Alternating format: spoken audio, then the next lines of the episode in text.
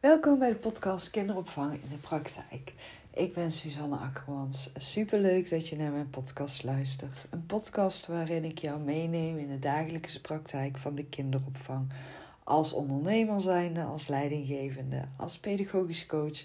En af en toe maak ik ook een uitstapje naar de pedagogisch medewerkers. Want dat zijn alle functies waarin ik eh, de afgelopen jaren heel veel ervaring in heb mogen opdoen onder andere binnen mijn eigen kinderdagverblijf. En uh, inmiddels uh, ook in de landelijke kinderopvang. En ben ik ook geen eigenaresse meer van een eigen kinderdagverblijf. Maar heb ik wel een eigen bedrijf uh, voor de kinderopvang, coaching, advies. Um, ja, vandaag wil ik het met jou gaan hebben over leuk doen als je niet leuk wil doen.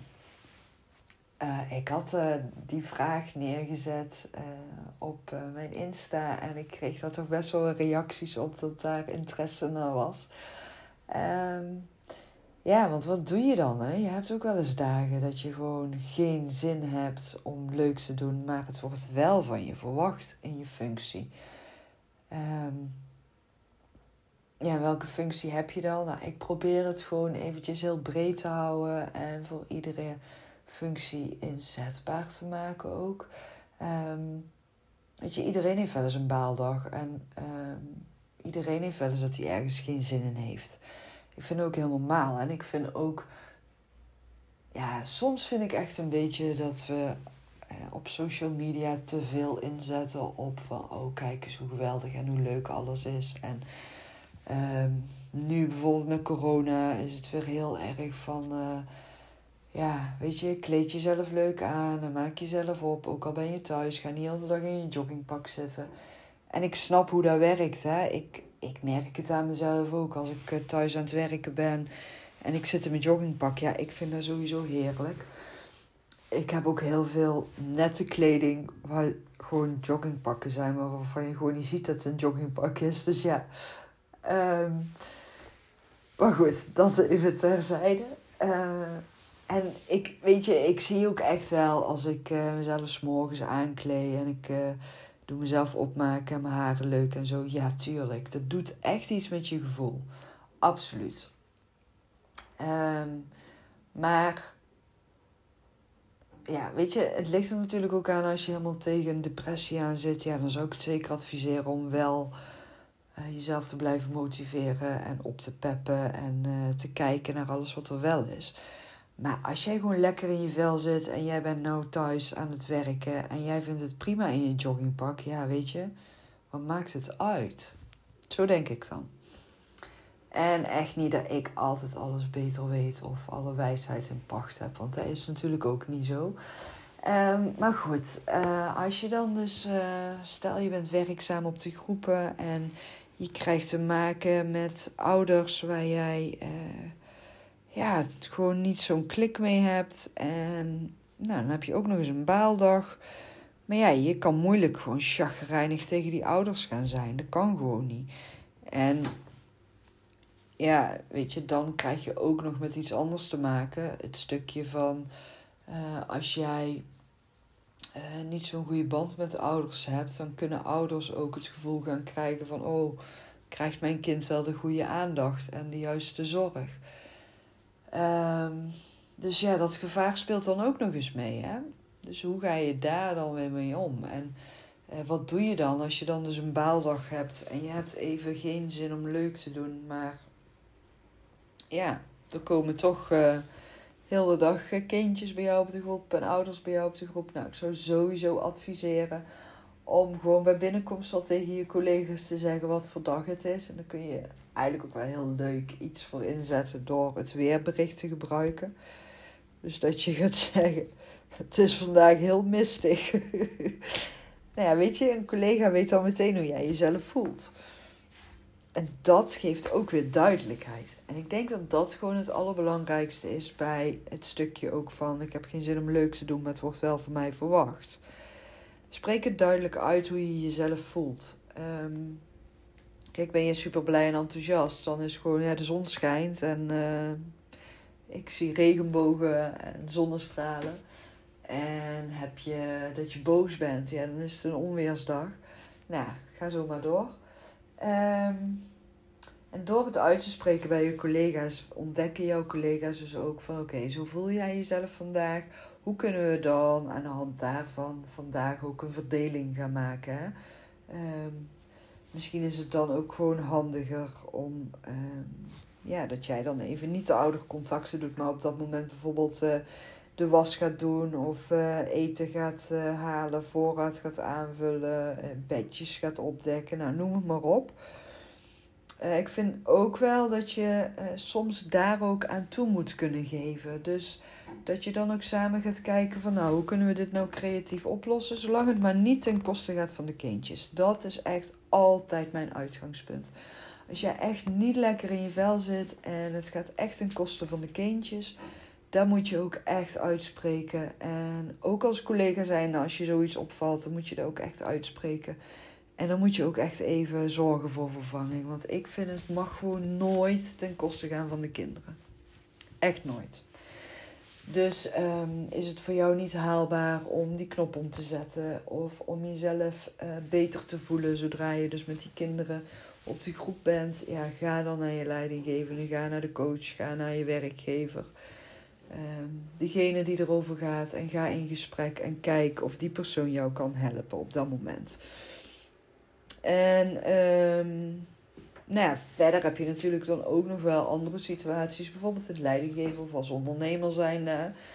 Uh, jij hebt een baaldag en je denkt, oh, ik heb vandaag echt zo geen zin om leuk te gaan doen. Ik heb gewoon duizend dingen aan mijn hoofd. En, uh, en dan komt er dus een pedagogisch medewerker naar jou toe. En die heeft ook geen zin om leuk te doen. En die zegt dus tegen jou van ja, sorry, ik kan vandaag echt de knop niet omzetten. En ja, mijn collega's die spraken me er al op aan. Dus ik wil gewoon graag even met jou uh, hierover in gesprek gaan nu. Want ik weet eigenlijk niet zo goed wat ik nou moet doen. En uh, ja, ik voel me eigenlijk gewoon een beetje radeloos nu. En ja, jij zit daar dan als ondernemer zijn. En je hebt eigenlijk hetzelfde gevoel als die pedagogische medewerker. Maar ja, jij bent wel de werkgever. Dus wat doe je dan, hè? Um, ja, dan kom ik eigenlijk weer een beetje terug op die kwetsbaarheid. Spreek het ook gewoon uit ik zou dan ook gewoon in zo'n situatie kunnen zeggen: Nou, kom erbij. ik heb er ook geen zin in vandaag. We even samen gewoon uh, even een kop koffie drinken, even een rondje gaan lopen buiten, even weg hier. Je, als het allemaal gaat. Hè? Als er natuurlijk vervanging op de groep is, maar daar ga ik dan wel vanuit, want anders dan kan je ook niet uitgebreid natuurlijk naar je werkgever toe gaan en daar op kantoor gaan zitten. Dus um, ja, kijk dan even een beetje van oké, hoe, uh, hoe kunnen we het samen oplossen? Maar ik denk dat gewoon het allerbelangrijkste is als je je zo voelt dat je het vooral uitspreekt. En nou, dan heb je natuurlijk, dat is allemaal binnenshuizen. Uh, dus binnenshuis bedoel ik uh, onderling in het team als werkgever of leidinggevende, pedagogisch medewerker, nou al die functies. Maar je hebt ook dagen dat uh, misschien moet je wel een rondleiding geven en heb je echt een super baaldag. Dan moet je echt de knop omzetten. Daar vind ik echt, dan moet jij de knop om kunnen zetten en jij moet echt klantvriendelijk, professioneel die ouders, die aanstaande ouders een rondleiding kunnen geven. En um, heb jij nou zoiets van ja, dat kan ik echt niet. Dan moet jij die rondleiding afspraak aan iemand anders geven. Dus dan moet je daar vervanging voor regelen. Of je moet de afspraak afzeggen. Heb ik ook wel eens gedaan. Ik heb ook wel eens afspraken uh, verzet. Uh, dus uh, dat het gewoon echt niet uitkwam in de jaren dat mijn vader echt heel erg ziek was. Ja, ik wist natuurlijk nooit wanneer hij weer op zijn dieptepunt kwam. En weer met spoed naar het ziekenhuis moest. Of dat het in het ziekenhuis weer helemaal fout was gegaan en ik weer met duizend alarmbellen werd gebeld. Ja, ik heb ook echt serieus wel eens meegemaakt dat het gewoon tien minuten voor mijn afspraak was. Ja, dan, dan moest ik gewoon weg. Kijk, mijn vader was zo ernstig ziek dat het ook echt dan. Uh, ja, dan, dan kon het echt zo zijn dat uh, het gewoon echt op dat moment onduidelijk was van gaat hij hier uitkomen. Uh, nou, noem het maar op. Dus uh, ja, dan moest ik gewoon in uh, 10 minuten tijd voor afspraak even alles gaan regelen. Dan ging ik checken in mijn team van, goh, is er iemand die mijn rondleidingafspraak over kan nemen? Um, nou, dat, dat loste zich altijd wel op. Uh, en ik heb ook wel eens gehad dat ik uh, zo enorm verdrietig was. Um, of dat ik een hele nacht wakker was geweest met mijn kinderen die toen nog klein waren. En um, nou ja, gewoon echt dikke wallen onder mijn ogen had. En zieke kinderen thuis had. En um, dat ik dan in mijn agenda keek s'morgens en dacht: oh jee, hoe moet ik dit vandaag nou weer gaan doen? En dan had ik uh, misschien een aantal rondleidingafspraken staan. Ja, dan ging ik die mensen bellen en dan legde ik ook altijd wel uit van, ja, wegens privéomstandigheden uh, moet ik helaas onze afspraak gaan verzetten. Ik vind het echt heel erg vervelend. En ik legde het wel uit dan ook, zodat mensen het ook begrepen. En um, ik ging altijd wel kijken of ik het binnenshuis kon oplossen of iemand het van mij over kon nemen. En als dat niet ging, dan ging ik de afspraak verzetten naar een ander moment. En um, dan nog kon ik wel eens hebben dat ik. Uh, oh, dan zat ik zo in mijn werk en zo druk bezig. En dacht ik, oh, ik heb zo meteen een afspraak staan. Komt eigenlijk helemaal niet uit. En dan zit je zo vol in je hoofd. Maar ja, dat vind ik dan niet echt een. Ja, leuk doen als je niet leuk wil doen. Want daar heb ik dan eigenlijk niet. Dat klopt dan misschien niet meer wat ik nou aan het vertellen ben. Want nou ja, misschien is het dan veel meer eh, dat ik dan uh, ook wel rondleidingen of intakegesprekken heb gehad met mensen waarbij ik uh, dan geen fijn gevoel had. En waar ik dan geen klik mee had. Ja, dan bleef ik toch altijd wel heel erg voor ogen houden. Ja, Suzanne, ook deze mensen betalen jouw inkomen. Die betalen hier mee aan het kinderdagverblijf. Die betalen de personele kosten uh, alle vaste lasten. Dus ook al heb je nu misschien nog niet het gevoel dat je met deze mensen klik hebt, dan ga maar ontdekken hoe je er wel een klik mee kan gaan krijgen, want het zijn toch je klanten. Dus daarin was ik ook wel heel streng voor mezelf. En ik heb ook wel eens gesprekken gehad die minder leuk waren. Dus uh, dat bijvoorbeeld uh, iemand niet tevreden was. Um, ik ga echt niet zeggen dat ik daar dan zo geweldig goed mee om ben gegaan. Maar ik, ik was wel altijd heel, heel duidelijk in mijn grenzen. En ik wist ook altijd wel heel helder van oké, tot hier en niet verder. Ik wilde altijd met iedereen meedenken en oplossingen zoeken. En zorgen dat klanten tevreden waren. Maar als op een gegeven moment onredelijke verwachtingen kwamen... of verwachtingen werden gesteld aan mij waaraan ik niet kon en niet wilde gaan voldoen... Dan was ik daar gewoon heel duidelijk in. En dan was ik ook wel heel zakelijk. En ja, dan was ik ook niet altijd meer even leuk, nee. Maar ja, dan ben je natuurlijk aan het begin van zo'n gesprek toch nog wel. Um, ja, vanuit de positieve benadering ga je dan toch nog wel zo'n gesprek in. Dus ook daarin heb ik dan ook altijd wel. Ja, wat ik vooral doe, dus als iets uh, niet leuk is, is het uh, verwoorden uh, verwachtingen duidelijk hebben. En uh, duidelijk grenzen stellen ook. Weet je, ik heb ook echt uh, ooit wel eens een rondleiding gegeven. En dat ik dan een reactie kreeg van: Ja, wie denk jij eigenlijk wel niet dat jij bent?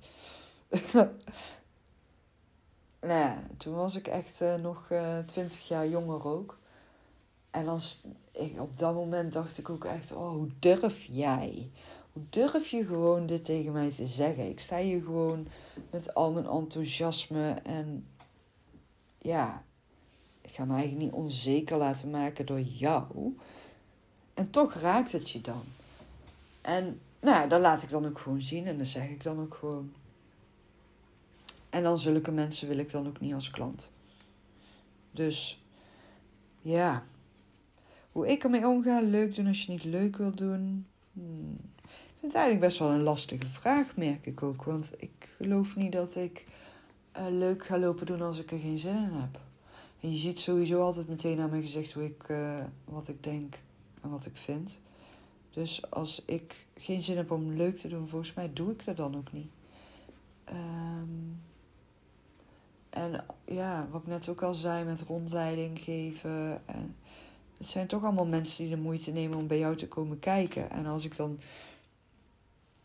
ja, voor mij was een rondleiding geven ook niet echt een knop omzetten of zo. Ik vond het altijd leuk om een rondleiding te geven. Ik, vond, ik zag er ook altijd oh, echt uitdagingen in. En hoe stugger iemand binnenkwam, hoe groter de uitdaging voor mij en hoe meer plezier ik erin had. Want uiteindelijk ging iedereen altijd vrolijk en enthousiast naar huis. En um, nou, als ik geen klik voelde tijdens een rondleiding of als ik merkte dat die mensen dus andere verwachtingen hadden dan dat ik hun kon aanbieden, ja, dan was ik daar ook heel duidelijk over. En nog steeds vriendelijk, maar wel gewoon duidelijk. Dus ik weet eigenlijk niet zo goed of ik nou echt antwoord op weet te geven op deze vraag. Leuk doen als je geen zin hebt om leuk te doen. Ik doe dat niet.